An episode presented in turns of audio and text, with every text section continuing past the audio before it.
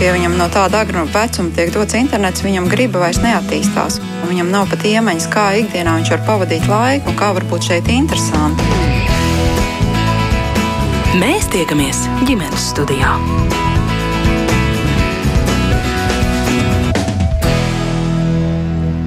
Labdien, priecājos sveicināt jūs visus ģimenes studijas rādījuma klausītājus. Mans vārds ir Agnēs Linka un šī rādījuma producente ir Ilza Zvaigzne.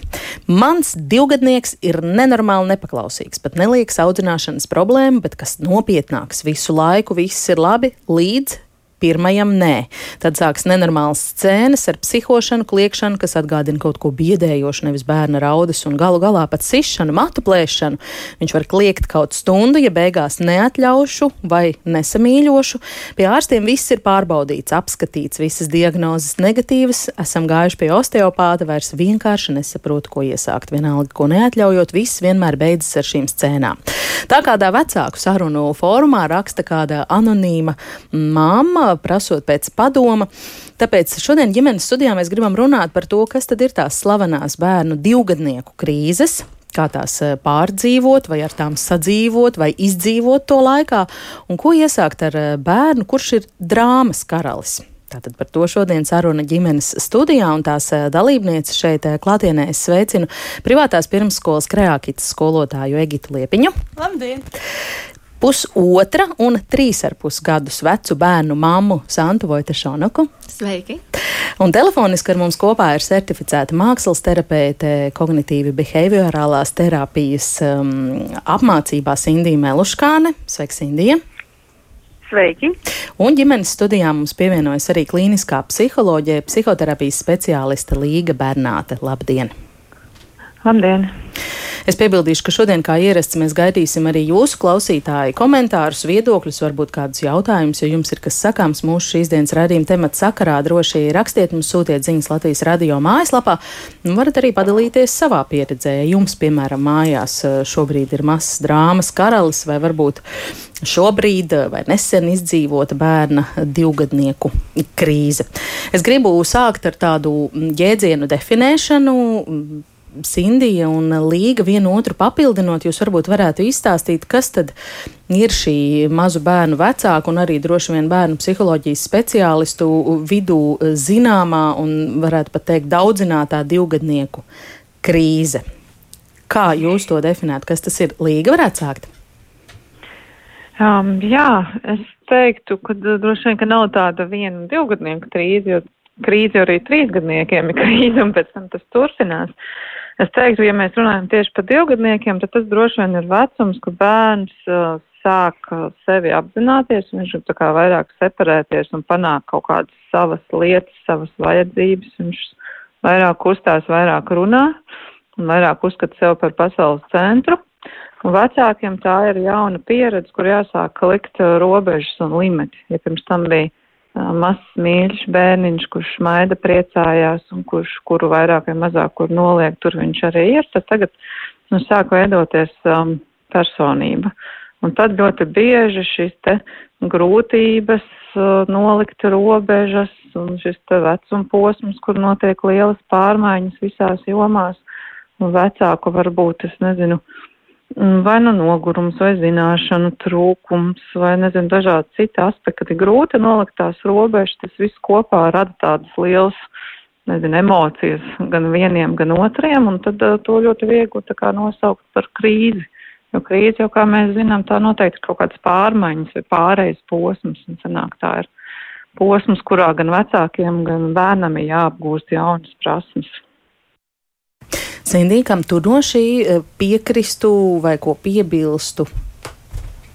Jā, es piekrītu visam, ko Līga teica, un e, no, no, no manas puses arī ir, tas ir brīdis, kad e, ļoti pieauga bērna vēlme darīt kaut ko, bet tā varēšana vēl nu, netiek līdzi tam, ko bērns grib izdarīt. Nu, klasiskais ir ģērbšos pats, vilkšu pats, bet uh, visu vēl neizdodas izdarīt pašam. Un tas, protams, ir izaicinoši vecākiem. Un uh, šīs robežas tiek pārbaudītas ļoti. Un uh, vēl ir tā, ka šis vecums nerad tiek salīdzināts arī ar pusauģu vecumu. Proti, ka pusauģu vecumā, ka tie uzdevumi un tās robežu pārbaudas un tās savas neatkarības apzināšanās, apjaušana, tie uzdevumi ir ļoti līdzīgi, kā šajā vecumā un kā vēlāk pusauģu vecumā. Cik tipiska bija šī manā ievadā citētā mammas aprakstītā situācija, kur viņa to raksturo kā scēnas ar trakošanu, ar kliekšanu, ar sišanu, ar matu plēšanu un bažījās, vai tas vispār ir normāli? Nu, es domāju, ka tā ir diezgan tipiski, bet kā mēs par daudzām lietām varam runāt, tas droši vien arī ir tāds, ir tāds spektrs gan tanī, cik nu, atkarībā no temperamenta un citām lietām, cik tas bērns intensīvi pauž tās savas emocijas. Tas ir loģiski, ka viņš viņus paudīs fiziski, sitot, kliedzot, skrāpējot, jo tā kā tā ir būvēta emocija regulācija. Viņš tādā vecumā nav spējīgs sēdēt un runāt. Un, ja mēs domājam, ja mēs paši padomājam par sevi, tad mēs esam intensīvās emocijās.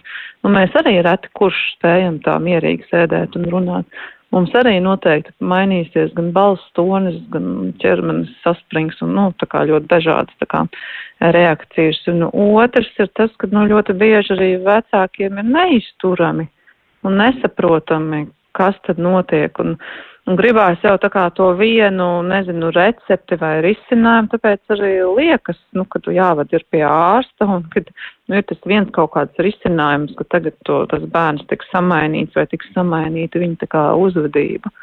Un es domāju, es gan par saviem bērniem domājot, gan par savu pieredzi, ir kaut kāda mirkļa, ka tā bērnu uzvedība ir tik intensīva, ka tiešām var iešauties prātā doma aiz savas bezpēcības, vai tiešām tā kā viss ir normāli, vai tiešām var šitā šitā uzvesties. Bet, uh, es teiktu, jā, katrs vairāk vai mazāk ir kaut kādas tādas situācijas ar bērniem pieredzējis. Ja ne ar saviem, tad noteikti ir redzējis.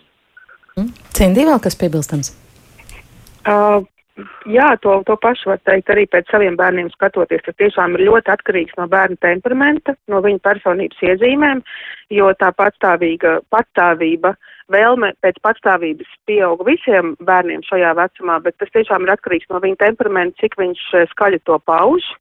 Un es arī varu redzēt, ka katram bērnam tas, eh, nu, arī vienā ģimenē, vieniem un tiem pašiem vecākiem, katram bērnam tas izpaužas savādāk.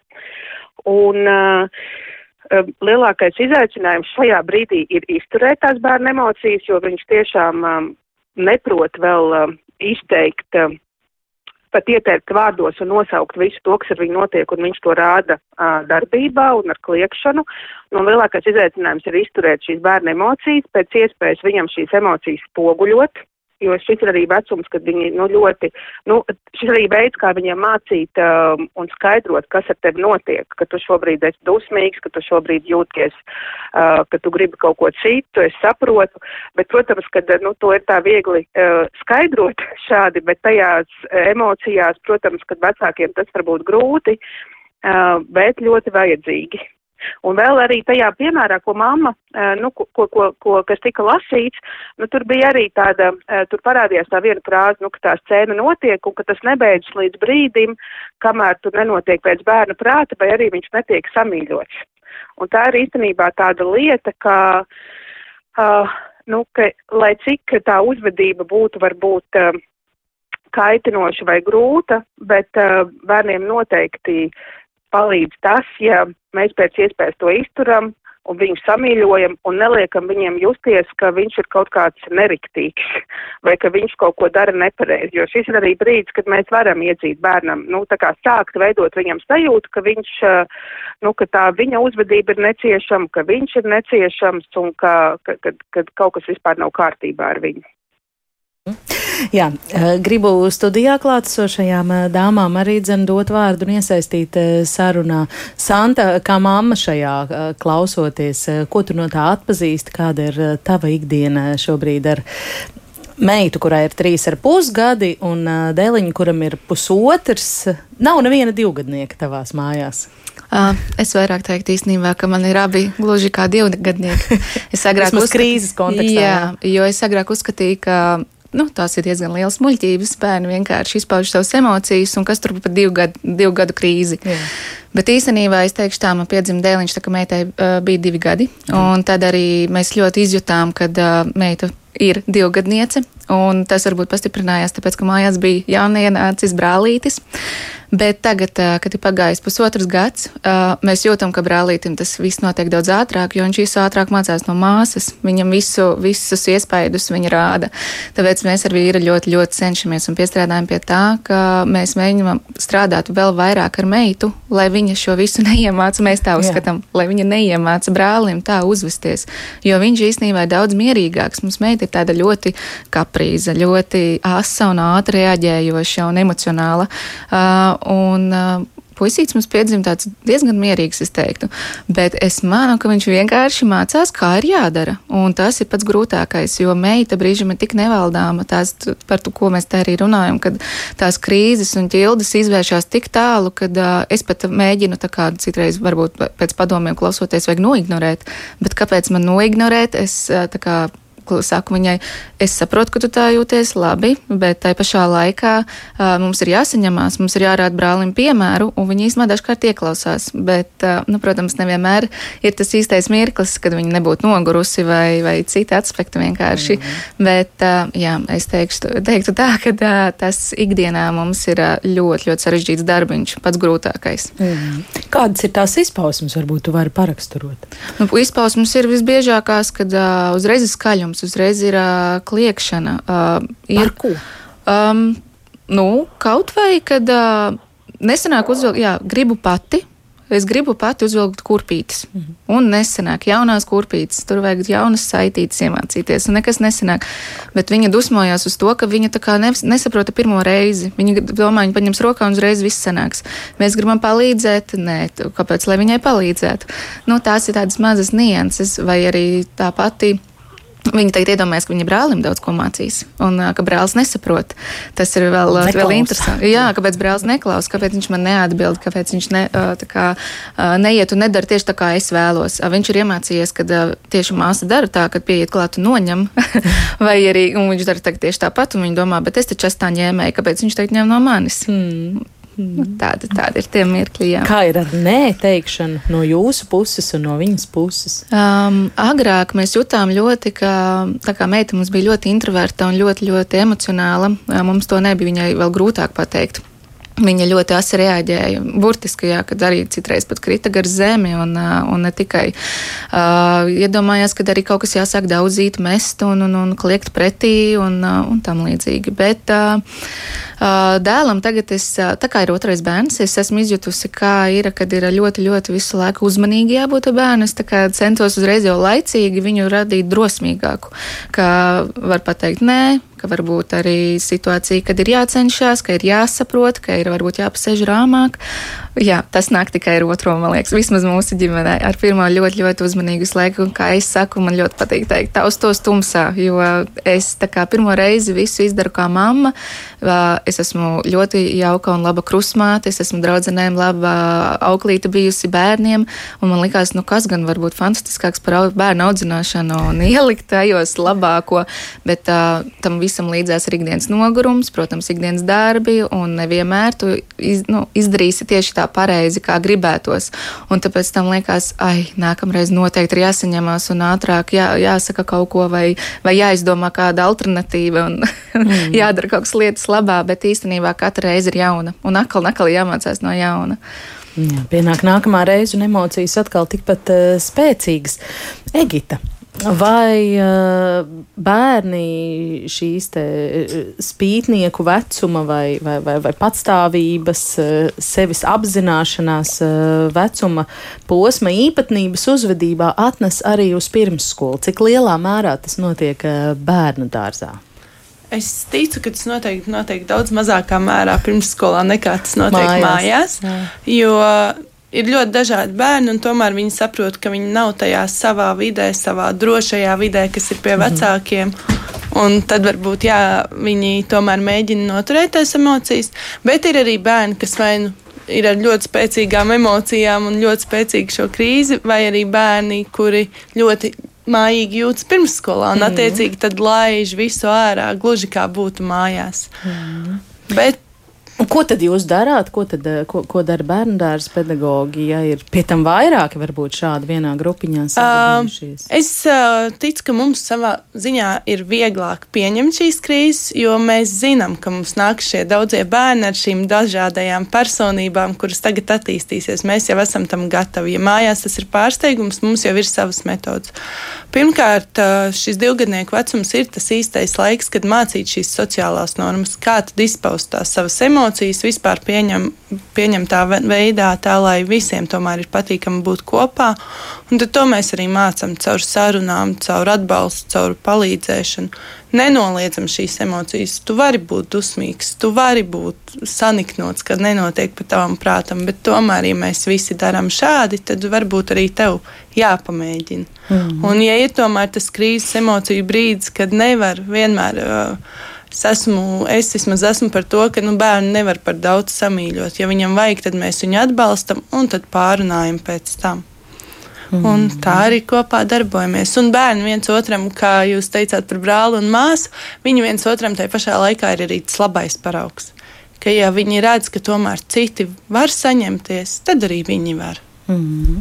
Bet jums arī ir tā, nu, piemēram, ir tie, es nezinu, es, es zinu, ka jūsu bērnu dārzā nav varbūt 30 eh, bērniņu vienā grupā vai 25, bet tomēr, nu, ir gana liels skaits, kāda 11 ir. Un, Un tad eh, nu, ir tā arī, ka pietiek resursu, tādu profesionālo, emocionālo, tiešām, lai visus uh, organizētu šādā vecuma posmā. Es teiktu, ka pietiek.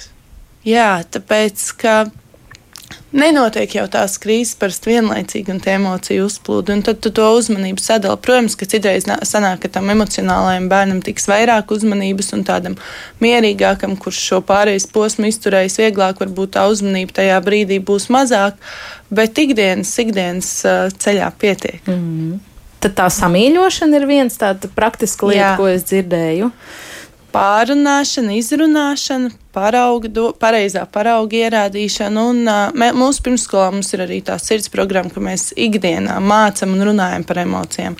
Mēs mācāmies jau pirms tam atpazīt emocijas, saukt tās vārdos, lai pēc tam arī tam bērnam ir vieglāk saprast, kas tad ar viņu tajā brīdī notiek. Mm, Santa, ko gribēji?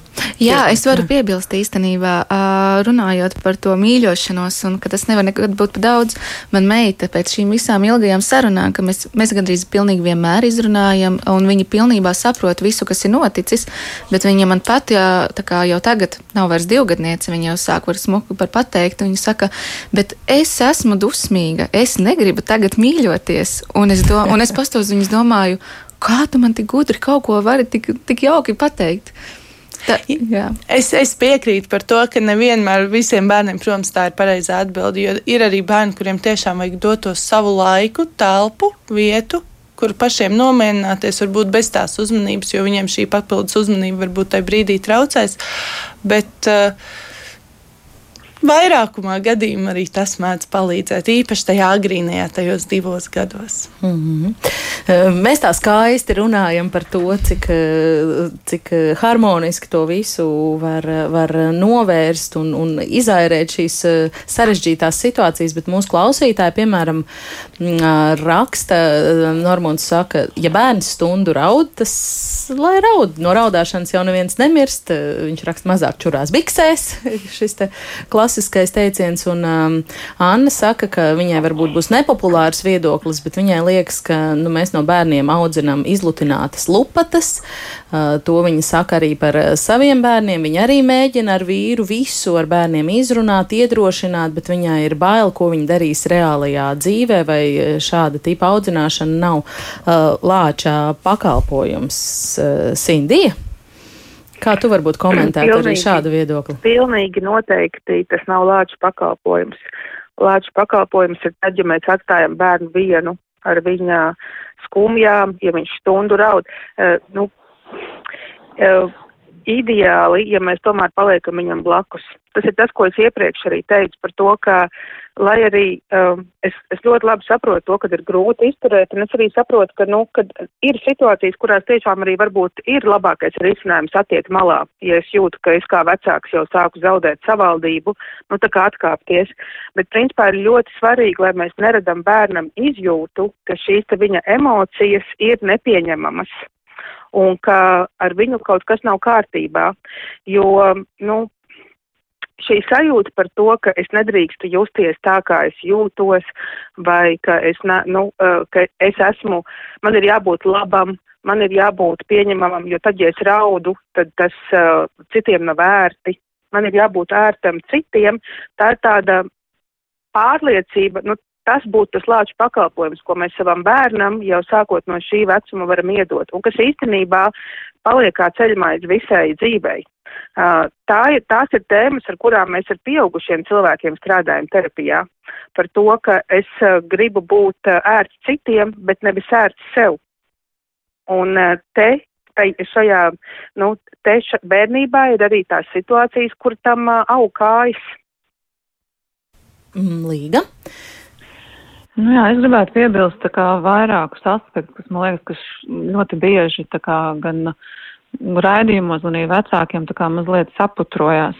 Un viens ir tas, ka, nu, teiksim, vārds disciplīna latviski skan ļoti uh, no negatīvu noskaņu. Nu tā stingri, jā. Teiksim, jā. jā, jā, mums varbūt ar armiju vairāk asociējās, bet uh, Nu, būtībā audzināšana tas ir nu, divi lielie aspekti. Tas līdzsvars starp nezinu, struktūru vai robežām vai nezinu, disciplīnu, kā nu mums labāk patīk teikt, nu, teiksim, atbalstu, gādību, mīlestību. Un jautājums ir, vai mēs šīs lietas varam kaut kādā balansā noturēt. Ja mēs aizējām vienā vai otrā galējībā un ir grūts temperaments, tad, protams, sāksies tā kā problēmas. Bet, teiksim, tā struktūra vai tā robežu likšana, viņa jau nesākās divos gados viņa normāli vajadzētu sākties ap gada vecumu. Ka tā, ka bērns sāk pārvietoties un daudz ko darīt, kad mēs spējam to bērnu tā kā strukturēt un vadīt, un tad jau likt robežu par to, ko viņš drīkst darīt, ko viņš nedrīkst. Kad ir kaut kādi nē, vai ir, teiksim, tā vidas sakārtota un, un, un, un tā, ka viņš, nezinu, nevar teikt, vai mēs mācām stop. Ja mēs šīs te lietas tā kā nu, mācam un daram, tad arī, teiksim, uz tiem diviem gadiem tas ir vieglāk. Ja mums ir līdz tiem diviem gadiem tā kā mazais mīlīts, kurš var visu, un tad mēs līdz tiem diviem gadiem paši esam iztukšojušies, un viņš tagad grib pārbaudīt un atklāt sevi, un viņam nāk tā lielā jauda ārā, un tagad mēs pēkšņi ejam pretīm ar lielu sparu, nē, tu darīsi, kā es teicu. Tur loģiski tā sanāk ļoti liela konflikti. Un arī, teiksim, tā patika, kāpēc bērnu dārzos kaut kādas lietas ļoti vie, nu, kā vieglāk tā kā noregulēt, tāpēc, kad ir liela rutīna nu, tā kā skaidri noteikumi. Jautājums atkal, vai mēs mājās spējam pietiekami tā kā bērnam to rutīnu režīmu viņam piemērot, nodrošināt, jo tas atkal tā kā, nu, palīdz viņam regulēt. Un vēl viens aspekts par to runāšanu ir tā, ka uh, mēs jau varam runāt vai mācīt par emocijām un visu pārējo, tad, kad bērns ir mierīgs, tad, kad ja viņš ir iekritis tajā lielajā histērijā un krīzē, tur vairs nebūs nekāda saruna. Tad ir jautājums, kā mēs viņu varam nomierināt. Tādā mirklī mēs nevaram neko ne paši, ne tas bērns ir spējīgs dzirdēt. Un tad vairāk tiem maziem bērniem tā regulācija iet caur ķermeni un dažādām sensorām lietām, kā mēs viņam varam palīdzēt nomierināties, atnākt sevī, un pēc tam mēs varam tā kā izrunāt. Un tad jau ikdienā visās lietās, ko mēs darām, tur mēs varam likt klāt, nezinu, tur par emocijām runāt un vēl kaut ko, bet tādā histērijā mēs, protams, nevarēsim, nu, tā kā neko sarunāt, jo arī, nu, smadzenes nav tā attīstījušās. Mazam bērnam es parasti vecākiem stāstu, tad emociju regulācijā viņš ir tāda kucēna līmenī.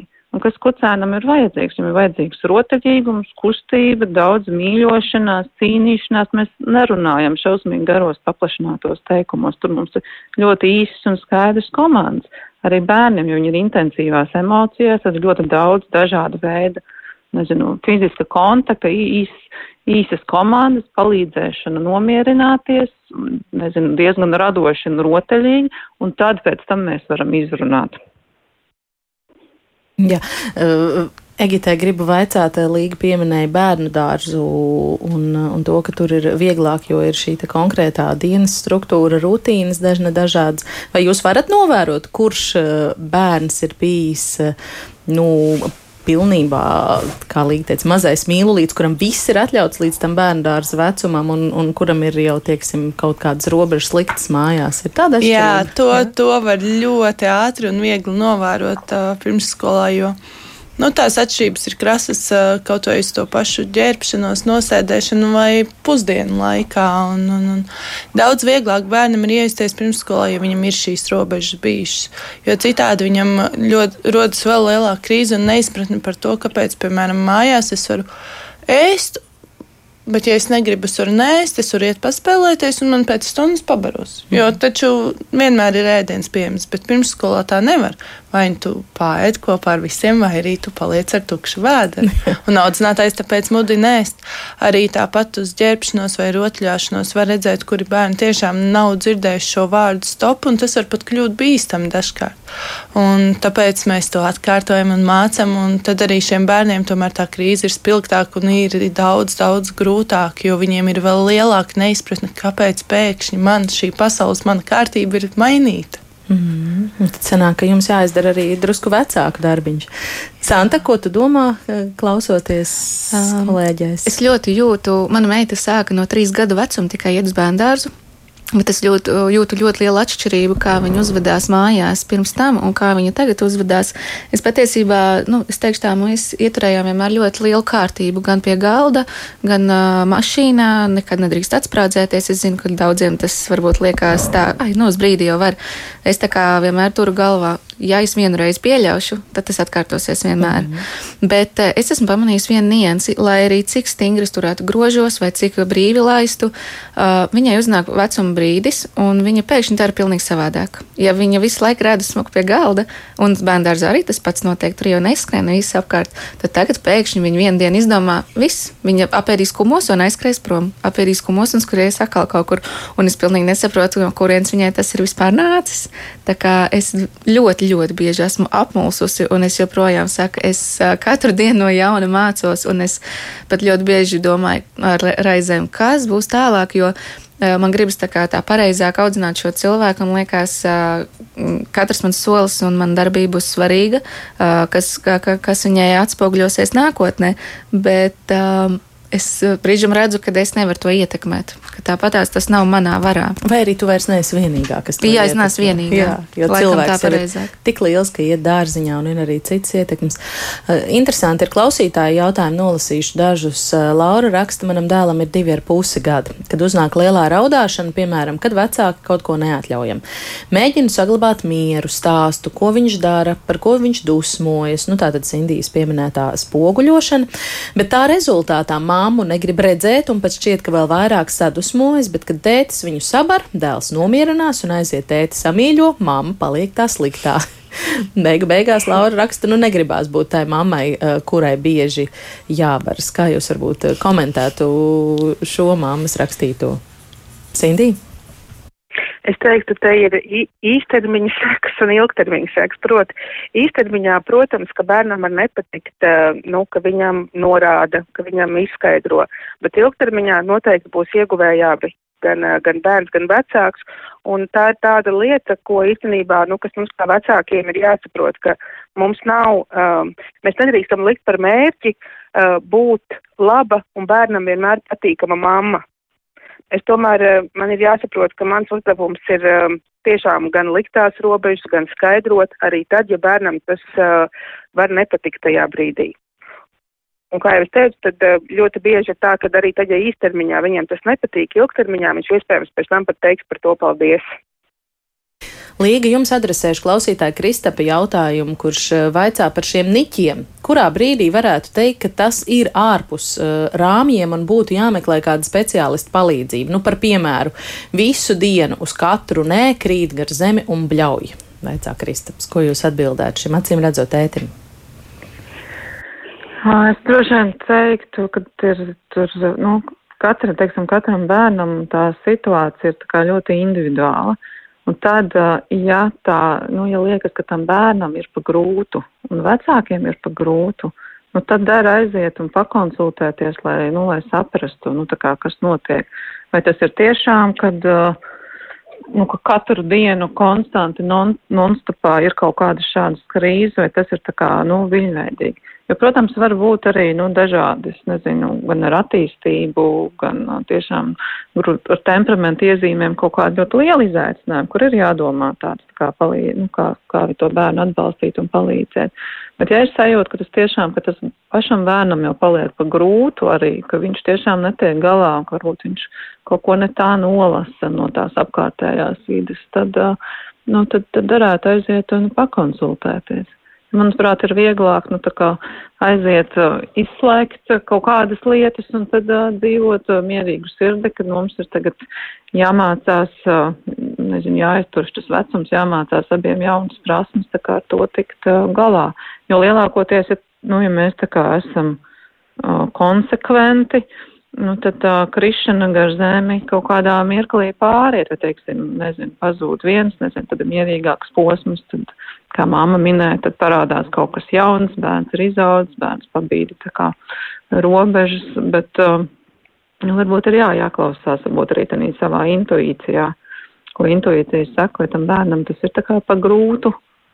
Uh, un tad jāiet tā kā pētīt, kas tur varētu būt tie iemesli, kāpēc, tā, kāpēc tās krišanas gar zemi ir tik, tik daudz. Par konsekvenci mums raksta Nils, ka viņš vienreiz ir sēdējis diezgan ilgi kopā ar bērnu uz grīdas lielveikalā, un principā viņš uzskata, ka bērns ātri saprot, kas darbojas un kas nē, bet tas viss, protams, pie nosacījumu, ka bērnam ir grafiks, ir režīms, kas tiek ievērots, un mm, viņš saka, ir stulbi mācīt bērnam pareizo uzvedību, jo viņš ir izsalcis vai noguris. Un tās arī laikam tādas pamatlietas, par kurām mēs bieži vien eh, varam neiedomāties, bet šeit raksturot tā klasiskā situācija uz grīdas lielveikalā. Santa ir tā bijis? Uh, jā, uh, bet es pat teiktu tā par to. Uh, ēst gribu. Mēs iepriekš pirms, pirms pāris minūtēm runājām par to, ka bērns varbūt nepēd, un pirmskolas izglītības iestādēs tu nepēdi un ne tālāk ar tukšu punci. Un tad es ļoti izbrīnīta dažkārt, kad tas bērns arī savaldās un turās, un viss ir kārtībā. Bet mājās pēc tās stundas, kad es gribu būt tā stingrā mamma un saku, nu, lūk, tu nēdi, un tagad gaidīsim vakariņas es beigās um, nezinu vairs, ko darīt pareizi. Jo man gribas viņam iedot ēst, lai mums ir turpmākā diena mierīga, mm. bet te pašā laikā, kā, kur būs mācība. Un tas man ļoti bieži ir, kad es izdomāju savu plānu, bet es vairs nezinu, vai pie viņa turēties, un varbūt strauji jāmaina. Un tad vīrs saka, bet mēs taču izdomājām tā. Jā, vēl konsekventas robežas. jā, un ko man tagad darīt? Mēs esam vēl divi, kam ir katram savs viedoklis. nu, jā, mammai sirds. Un bērns pa vidam ir apmulsis. Sirds siltāk un, un tēts vairāk par disciplīnu. Karīna mums par šo raksta, ka tā ir vistīrākā manipulācija. Ja bērns eh, kaut reizi ir sapratis, ka jā, šis strādā, tad viņš darīs visu, lai vienmēr panāktu savu vēlamo. Um, kā man teica viena pediatra, ģimene ir kā vilku bars, bērns tur grib būt galvenais, lai arī ko tas prasītu, viņš manipulēs līdz pēdējiem, bet savu panāks, ir jāparāda, ka bērns tomēr nav galvenais. Jā, tas prasīs laiku, nervus, bet tas strādā. Sintī, ko tu par šo teiktu? Um, e, Nē, es absolūti piekrītu tam, ka bērns, bērns nedrīkst būt noteicējs, un e, nu, arī tam jau, ko Līga stāstīja par robežām, kas tiešām ir tas balans starp uh, robežām, struktūru, samīļošanu. Protams, bērns, bērnam nedrīkst būt sajūta, ka viņš var panākt visu, ko grib. Un, nu, nu jā, es domāju, ka tur nav pretrunu. Līga? Nu jā, es varbūt vēl piebildīšu, nu, kad ir, nu, es domāju, mums ir jābūt konsekventiem, bet loģiski mums ir jābūt arī elastīgiem un jāpazīst bērns. Un, teiksim, ar divgadnieku, nu, tas ir tā kā klasika, ir pamat vajadzības, nogurums, ēšana, dzeršana. Ja šīs vajadzības nebūs tur ap, apmierinātas, tad mēs varam, cik grib, gribam būt konsekventi vai runāt vai mīļot, nu, tā kā tur būs krīze. Nu, tā kā, nu, nu, mums ir jāpazīst un jāņem tā kā, nu, vērā tā situācija. Un arī vienmēr jāpadomā arī par sevīm. Ja mēs, es nezinu, esam palaiduši garām pusdienas un nākam tagad mājās taisīt vakariņas, vai mēs tiešām no, tā, no tām brokastīm līdz tam vakaram aizejot mājās, neko neiemetīsim savu mutē, gatavojot vakariņas. Ļoti bieži mēs aizmirstam to, ka mēs varbūt to, ko taisot, kaut ko pagaršojam un nomierinam, nu, nomierinam, nomierinam sev vai piepildam, vai mēs varam tās vakariņas sagaidīt. Līdz ar to, nu tad zinot, ja, teiksim, pēc bērndās bērns ir izsalts, mēs par tādām lietām, nu, padomājam. Es zinu pēc saviem bērniem, kad man kliedz ēst, un ēst parasti nozīmē saldējums vai kaut kādas tur, nezinu, našķis, un tad es piedāvāju tā kā zupu ka mēs varam, jā, apstāties, aiziet tur uzēst zupu vai salātu, un mums ļoti skaidrs rādītājs. Viņi saka, jā, ejam ēst zupu, un tad viņi tiešām ir izsalkuši. Viņi saka, zupa nē, es gribu čupa čupa, nu tad ir skaidrs, par ko ir runa. Bet Ilvita uzdod ļoti tieši jautājumu, ko tad darīt, ja redzi, ka bērns ar tevi manipulē? Tāda zaudētāja pozīcija, ja piekāpjos un ja nepiekāpjos abos veidos. Kā jūs teiktu? Es jau teiktu, ka labāk ir nepiekāpties un izturēt to, to krīzes brīdi, jo tas viņam, tas viņam aizies tālāk. Ja viņš redzēs, ka piekāpjas vienreiz, viņš gaidīs to arī otro, trešo, ceturto reizi, un ar katru nākamo reizi būs arvien grūtāk pateikt nē. Protams, nav viegli, nav, tas ir caur asarām, tas ir caur bļaušanu, bet uh, tā mēs, tā mēs ieaudzam. Ja neņem vērā, ja nav kāda blakus aspekta, ja tas tiešām ir tikai kāds gribu, ko tieši nav, nav iespējams īstenot vai, vai nav vēlams īstenot, nu tad, tad, tad mēs nepiekāpjamies. Mm -hmm. Ilza raksta, ka viņai bieži vien jautā, kā viņi savā ģimenē panākuši to, ka bērniem nav bijušas šādas vārtīšanās pa zemi, un atbildi ir, ka tas prasa ļoti daudz nervu, jo dažkārt ir jāsamīļo, bet dažkārt konsekventi jātur robežu un problēmas rodas mm, tad, kad vecāki iet vieglāko ceļu. Mm, es domāju, ka mēs varētu pāriet pie otras eh, mūsu redzījuma sākumā iezīmētās eh, tādas sižeta līnijas vai sarunas virziena, un um, par to ir eh, Zilgmas komentārs. Viņa raksta, manam divgadniekam nu jau ir astoņi gadi, un drāmas nav mazinājušās. Skolā viss ir mierīgi, bet mājās, ojojoj, pesimists, risku analītiķis. Viņš vienmēr atradīs, par ko rīkot drāmu, pat par vismazākajiem sīkumiem. Ko darīt? Man jau skrien šārmuļi, kad es dzirdu pirmās čīkstienas kaņas no meitas, un amplitūda par dilli makaronos ir gandrīz tikpat liela kā pie kritiena vai sasišanās. Un tad nu, es gribētu mm, vaicāt, jā, kāpēc uh, ir tā, ka ir bērni, nu, vairs ne divgadnieki, vairs ne bērnu dārznieki, bet cilvēki, kuriem arī ārpus eh, vecumposmu krīzēm saglabājas šī izteiktā spēja un vajadzība pēc tādas eh, traģēdijas un tam līdzīgām izpausmēm. Kāpēc tā ir? Vai tas ir saistīts ar temperamentu, mm, vai ar kaut ko, ko mēs eh, vecāki neizdaram, varbūt tā kā būtu bijis derīgāk? Sindī? Nu, tas, es teiktu, ar visiem trim ir saistīts. Tas nu, sākotnēji ir saistīts ar temperamentu un personas, personības iezīmēm, kas tiešām ir iedzimtas, un katram mums ir savādāks komplekts, un um, kādam arī ir tāda lielāka labvēlība, lielāks optimisms, un uh, tas ir uh, no dabas, bet, uh, uh, bet uh, liela nozīme ir arī tam, ko mēs ar to daram. Un tā kā vecākiem arī ir loma, Un uh, tas nav bezcerīgi. Nu, ja kāds bērns ir ļoti jūtīgs, tas nenozīmē, ka uh, viņam ir. Uh, nu, visa, ka viņš visu uztvers, nezinu, negatīvāk vai bēdīgāk. Mēs kā vecāki varam skaidrot un tomēr tās, tos domāšanas veidus un uzvedības veidus un to, kā reaģēt uz to, tomēr tā ir arī tāda mācāma lieta. Nu, piemēram, um, es te gatavojoties raidījumam, uzdūros kādam Twitter ierakstam, kur uh, mm, māma vārdā Vita raksta, Oskaru aktieru spēlē saņem piecgadnieks par tēlojumu, cik negaršīgs ir mammas gatavotais ēdiens. Jaunais cilvēks ne tikai dramatiski izsaucas skaļu fuju, viņš arī atrauj vaļā logu, izrāpjas ārā uz terases, aizskrien līdz pagalmu vidum un demonstratīvi izspļauj sautējumu. Kā pret to izturēties?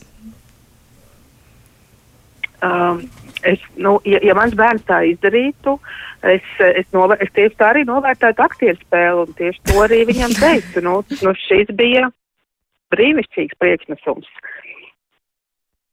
Līga? Jā, nu es teiktu, ka nu, lietas ir jāsauc īstajos vārdos, varbūt divgadniekam vēl nē, bet tādam lielākam, nu, tur, kur ir manipulācija, tur ir tā kā manipulācija, un tur, kur ir, nu, drāma vai kaut kāds nu, tāds priekšnesums, tad, nu, jā, par to mēs arī runājam. Es teiktu, droši vien, ka varētu, nu, vajadzētu padomāt arī par šādu jā, izspēli ar, ar to ēdienu nu, tad kopumā kontekstā par kaut kādām vajadzībām vai attiecību modeļiem, tā kā kas notiek, nu, kāds tad ir iegūms tam, kad šādu, nu, šādu te izspēle, kas tā kā pēc tam seko, acīm redzot, nezinu, vai nu viņam vai kaut kā kopumā no tā viņš kaut ko sev gūs, ka viņam tas ir, nu, tā kā nepieciešams. Nu, atkal mēs tur nevarēsim izšķirt vienu lietu, vienmēr dažādu aspektu, tā kā tā saspēle ir bet nu, padomāt, kāda ir tā, kā tā mūsu reakcija vai kādas varbūt kopumā emocionālās vajadzības tam bērnam nu, netiek, netiek apmierināts vai ko viņš pats tā kā ne, nemāka vai savādāk nevar parādīt un kas viņam būtu jāmāca. Nu, tā kā par to, par to ir jādomā. Nedaudz atkāpjoties atpakaļ, Aleksis mums vaicā, nu, ko tad darīt, ja ir bijis tas mīlulīts līdz diviem gadiem, un tagad ir mazs cilvēks ar savu ļoti stingru viedokli un mums priekšnieks. Nu, tā tad viņš jautā, ja ir nokavēts, ko nu? Nu, es teiktu, nekad nav, nekad nav pa vēlu, sākt, nu, piedomāt par to, par tām, nezinu, robežām, par to struktūru vai par palīdzēšanu to bērnam ieņemt ģimenē bērna vietu, jo, jo tā kā ir skaidrāki tie noteikumi un vieta bērnam ģimenē, jo viņš, jo viņš tā kā drošāk var justies. Un līdz ar to arī, nu, vieglāk viņš kļūst tā kā, nu, regulējams. Un tur domāt, kā tad mēs varam, nu, tā kā tās attiecības, nu, mainīt, jo tā pati, nu, struktūra vai noteikumi, tas jau obligāti nenozīmē to, ka tas ir ļoti kaut kas, nu, negatīvs vai nepatīkams. Mēs varam ļoti daudzos ikdienišķās lietās ieviest to, ka tas bērns mācās sekot pieaugušiem un piedzīvo, kad ir forši klausīt. Un tad arī, teiksim, pēc tam to pašu var izmantot arī tādās, nu, lielākās kaut kādās krīzēs vai, emo, vai emocijās. Egita vai citos vecuma posmos, tad, kad tie divi, trīs gadi un tas uh, izteiktais nē periods un sevis apzināšanās periods varbūt ir garām, arī novērojat uh, mazos drāmas karaļus pirmsskolā? Drāmas, drāmas var novērot vienmēr. Tas ir tiesa. Bet te vienmēr ir jādomā, kas tai drāmai ir apakšā. Bieži vien tā ir vajadzība pēc uzmanības. Vai tā ir vecāka uzmanība, vai tā ir audzinātāja uzmanība, vai tā ir draugu uzmanība. Uh, jo bērnam jau nekad šīs uzmanības nevar būt par daudz, un ja viņš jūtas tomēr nepamanīts, vai kāds cits varbūt ir skaļāks, un viņš redz, ka varbūt ar kādu ar pozitīvo uzvedību viņš nevar šo iegūt, tad drāma vienmēr būs ceļš, kā dabūt. To pašu esmu novērojis arī, kad ir vairāk bērnu ģimenē. Un kad mans jaukais bērns, kas visu dienu ir mierīgs un jauks un paklausīgs, kā atnāk vecāks, tā ir gar zemi un ir drāma un viss ir slikti. Tur vēl ir tas otrs aspekts, ka viņš varbūt izlaiž ārā tās emocijas vecākam. Ka varbūt tiešām, ja pēc skolas arī pēkšņi nu, vairs nekas nepatīk un viss ir tik slikti pasaulē. Un dille makaronos. Un dille makaronos traucē. Varbūt viņš vienkārši tiešām vēlas to māmas uzmanību, ko viņš nav visu dienu guvis. Un to māmas emocionālo atbalstu, ka būs labi, ka es tev to dili varbūt palīdzēšu ar viņu tik galā, jo pa dienu viņš to nav guvis. Bet jā, drāmas, drāmas var novērot ilgi vēl. Un tad tajos uh, vecākajos, vecākajās uh, grupās ir citi knifi, kā tās menedžēt. Jā, viens, kas darbojas, ir tiešām, ja tā nav tāda ļoti traucējoša uzmanība, varbūt tiešām nepievērst uzmanību. Jo, ja tas ir uh, iegūt uzmanību par kaut ko nevēlamu, tad, ja mēs tam uzmanību šo pievērsīsim, tā būs tad, schēma. Tā būs jau, schēma un tā drāma nekad neapstāsies. Uh, Otrs variants tiešām, ja tā ir nepieciešamība pēc emocionāla atbalsta, ko var arī bieži vien saskatīt, nu tad dot to emocionālu atbalstu. Un varbūt pat ne izsaukt grupiņas priekšā, ka es redzu, ka te, ar tevi vajag parunāt vai tevi vajag samīļot, bet vēlāk pasaukt maliņā un izrunāt. Ka varbūt bieži vien tur tiešām slēpjas kaut kas apakšā, varbūt ir bijusi kāda krīze mājās, vai ir bijusi kāda krīze ar draugiem, kuri vairs nav draugi. Un viņš tiešām nezina, ko vairs darīt un kā, kā atgūt to atpakaļ. Mm -hmm. Mm, vēl kāda sieviete Twitter vietnē raksta, mans krustdēls vasarā sapsihojās, jo ezerā zīvis nenāca pie viņa tīkliņā ieliktās sliekas. Pludmale bija pilna ar cilvēkiem, bet viņš trakoja, jo zivis, lūk, ir vienaldzīgas un pie tā vainīga uh, slieka. Mm, vai arī vēl kāda māma raksta, mans puika ir drāmas karalis uz līdzenas vietas. Viņš satrakojās par to, ka pārnākot mājās pēc dārziņa, mēs pārbaudījām pasta kasti un pastnieks tur nekā nebija ielicis. Uh, Santa, jums arī kādreiz gadās tādas uh, vēsu prātu, pēc tam jau ar, par komiskām dēvējamas situācijas. Jā, nu pēdējais teikt, komiskākais laikam bija uh, par to, ka mums uh, Hannas draudzene, mans meitas draudzenīte uzdāvināja viņai supermīļu kaķīti. Un uh, viņa viņu pazaudēja, un mēs nesaprotam vispār, kur var mājā pazaudēt uh, lielu mantiņu. Un beigu beigās viņa tik ļoti ietiepās par to, viņa mēģināja sev pievērst uzmanību, un mēs sakam, nu, atradīsim vēlāk, tu esi jau liela meitene, nu, mēs nevaram tagad visu dienu veltīt tavu kaķu meklēšanai. Nē, viņa jutās, ka viņa nav gana novērtēta laikam, kad viņai nepalīdz neviens. Tagad viņa naktī modās augšā un visu laiku tā kā raudāja par to, ka joprojām nav tas kaķis un ka mums ir viņu jāiet meklēt. Bez mazvai nakts vidū visiem ir jāceļās augšā un jāiet meklēt. Beigās, protams, izrādījās, ka viņš ir no rīta pastos pa logārā, viņš ir nokritis ārā zemē, zem šūpuļtīkla, bet īstenībā, tad, kad es viņai pasaku, ka rekuri kaķis, tad viņi bija dusmīgi, kāpēc tu viņu atradi. Es pati viņu gribēju meklēt. Jā. Jā, es varbūt gribēju piebilst, ka jāsaprot, ka ir šādas tikko tās visas minētās situācijas, un arī bērns tā kā emocionāli viņš regres, nu, noregresē, un tur nav loģika. Un tā kā nav loģika, tur ir runa par kaut kādām viņa vajadzībām. Ja mēs kā pieaugušie tagad mēģinam pieiet ar loģiku un tagad skaidrot, nu, tad mēs tur noteikti nonāksim strut, strupceļā un tas strīds tā kā eskalēsies. Ja tur ir jādomā vienkārši, kā tam bērnam palīdzēt nomierināties ar visdažādākiem veidiem, nevis kā viņam paskaidrot, kad, kas būtu loģiski. Nu, jā. Vienaldzīgās eh, zīves un, eh, un mazāk attraktīvās sliekas, protams, nav sevišķi loģiski iemesli. Ines raksta, būtu gribējuši šo sarunu pirms gadiem sešiem dzirdēt, jo mums joprojām mājās ir bērns ar ļoti asām emocijām par sīkumiem. Par to palīdzēšanu nomierināties. Ļoti daudz vecāku vidū cirkulē padomi par uzmanības novēršanu no kaut kādas problēmas vai bēdas. Nu, piemēram, mm, kāda mamma raksta, ka tad, kad eh, sākas lielā bļaušana par kaut ko raudāšanu, es parasti izlīdzos ar to, ka mums jāiet mājās, ēdīsim kādu ābolu vai banānu vai kādu našķi. Nu, respektīvi jānovērš uzmanība vai jāpiedāvā kaut kas eh, garšīgs, vai šīs ir eh, tādas schēmas, kas varētu būt arī varbūt palīdzošas ārkārtas situācijā? Sindī? Um, es domāju, ka, ka jā, ir, protams, ļoti jāskatās katra konkrētā situācija un ir jāsaprot, kas ir tas iemesls tiešām, vai, te, vai šī drāma ir attiecas konkrēto situāciju, vai tur ir jau te iepriekš minēt arī tur vēlme pēc uzmanības, vēl kaut kādas vajadzības netiek apmierināts.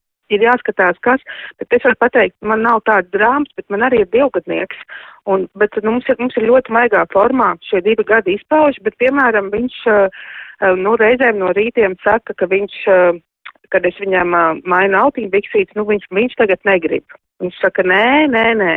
Un tad tas, ko es daru, es viņu arī tanī brīdī, uh, piemēram, iepūšu viņam vēdrā, nu, tā kā sasmīdinu, un viņam nomaināt tās domas.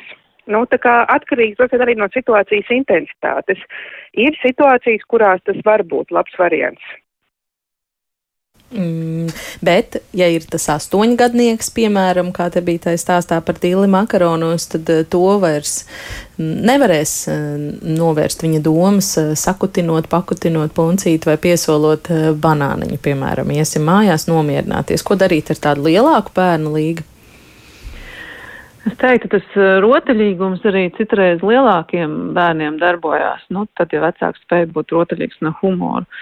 Bet eh, vēl viens ir, ka citreiz tur, kur šie te drāma, drāmas karaļi, kad, nu, reizēm arī tāda vienkārša kaut kāda mazā pauzīte vai noignorēšana, tā kā darjot. Reizēm arī vecāki paši tik intensīvi, ka viņiem uzreiz gribās ātri izcināt, ātri skaidrot vai vēl kaut ko. Nu, kad tā kā arī tad senāk tā kā pastiprinās, bet ja mēs tā kā iepauzējam vai, nezinu, sakam, man tik ļoti žēl, ka tev par to dīli, ka tev jācieš. Un tā kā, nu, paši to palaižam, nu, tad vai nu viņš tur pabu, pabubina vai kaut ko, nu, nezinu, pasaka vai kaut kā tā saruna aizvirzās, tā kā, nu, tur ir atkal jāpēta un jāskatās, bet es teiktu, ka droši vien ir svarīgi, nu, jau tā kā tā mamma, liekas, minēja, kad jau izdzird to pirmo skaņu, jau mammai iekšā viss trīts nu, pētīt, kas, um, vai tas ir mans nogrums, vai man kaut kāda manas pieredze, ka man tik grūti tieši konkrēto lietu izturēt, un kā es varu kaut kā mierīgāk reaģēt uz tām, uz tām drāmām. Un tad arī domāt, nu tiešām arī, tā, kad, atkal, kad nav drāma, tad mēģināt atrast kaut kādus veidus, ko tad tā meita var darīt, tā, ka viņa ir, nezinu, dusmīga vai neapmierināta. Nu, tiešām meklēt konkrēti, kur tad viņa iet vai ko viņa saka, vai kā viņa tā kā var mācīties nodalīt šo te savu, es nezinu, neapmierinātības stāvokli, to vienu savu daļu. Nu, parādīt arī tā kā tos uh, kaut kādus aspektus, kad viņai izdodas, lai viņa atšķir, kad viņai ir tāds garstāvoklis, kad viņai nav. Tur, jā, tur ir dažādi veidi, kas tad jā, jāpēta konkrēti ar to. Mētu, Jā, es gribēju te piebilst, ka nu jau tie septiņi, astoņi gadi vēl ir tāds posms, kad tad var mācīt tam bērnam. Nu, Kā tad tu gribētu, kā domā, kā var ar to atrisināt? Nu, ko, ko tad darīt ar to dili makaronos, vai ko tad darīt, ka tev kaitina, ka zars logā sitās? Lai viņš pats sāk domāt, un tad arī viņš aizdomāsies, un varbūt tā brīža krīze pāries, un viņš arī uz nākotni iedomāsies, ka, ja rodas šis sarežģījums, kas viņam traucē, tad varbūt arī pašam ir jāmeklē šis risinājums, kā to atrisināt. Un to bērni arī ļoti ātri apgūst. Mm -hmm. Man patīk, ka mēs nonācām sarunas eh, beigās pie tādā gradzena veida, apļa veida kompozīcijā pie tā, ar ko šī saruna gandrīz vai tika iesākta par to, ka patiesībā jau tāds ir to, ka vecākiem ir grūti izturēt bērna emocijas. Un, nu jā, ja pietiek tam spēka, tad var pavērot pats sevi šajos krīzes brīžos, kas ir tas, ko es nevaru šobrīd sagramot. Paldies par sarunu ģimenes studijā. Es teikšu visām tās dalībniecēm. Šodien tās bija privātās pirmskolas krākitas skolotāja Egita Liepiņa, divu bērnu māma Santa Vojta Šonuka šeit eh, klātienē studijā, un telefoniski ar mums kopā bija certificēta mākslas eh, terapeita Sindija Meluškāna un eh, kliniskā psiholoģija psihoterapijas speciālista Līga Bernāta. Paldies, ka veltījāt ģimenes studijas klausītājām, klausītājiem savu laiku. Rīt mēs dodamies ciemos uz jūrmalu, lai tur satiktos ar ķēngu ģimeni. Helēna un Oto ir divu meitu vecāki, un sākoties karam Ukrainā viņi izvēlējās ne tikai bēdāties un šausmināties par tur notiekošo, bet kādam arī reāli palīdzēt palīdzēt. Un, m, mm, tagad jau viņi var atskatīties uz tām nedēļām, kad pie viņiem dzīvoja trīs bērnu ģimene no Ukrainas. Tātad eh, klausieties to ģimenes studijā, kā Allaža no diviem līdz trījiem. Tiekamies arī podkāstos Latvijas radio mobilajā lietotnē un sekojiet ģimenes studijai Facebook un Instagram uz sadzirdēšanos. Ģimenes studija.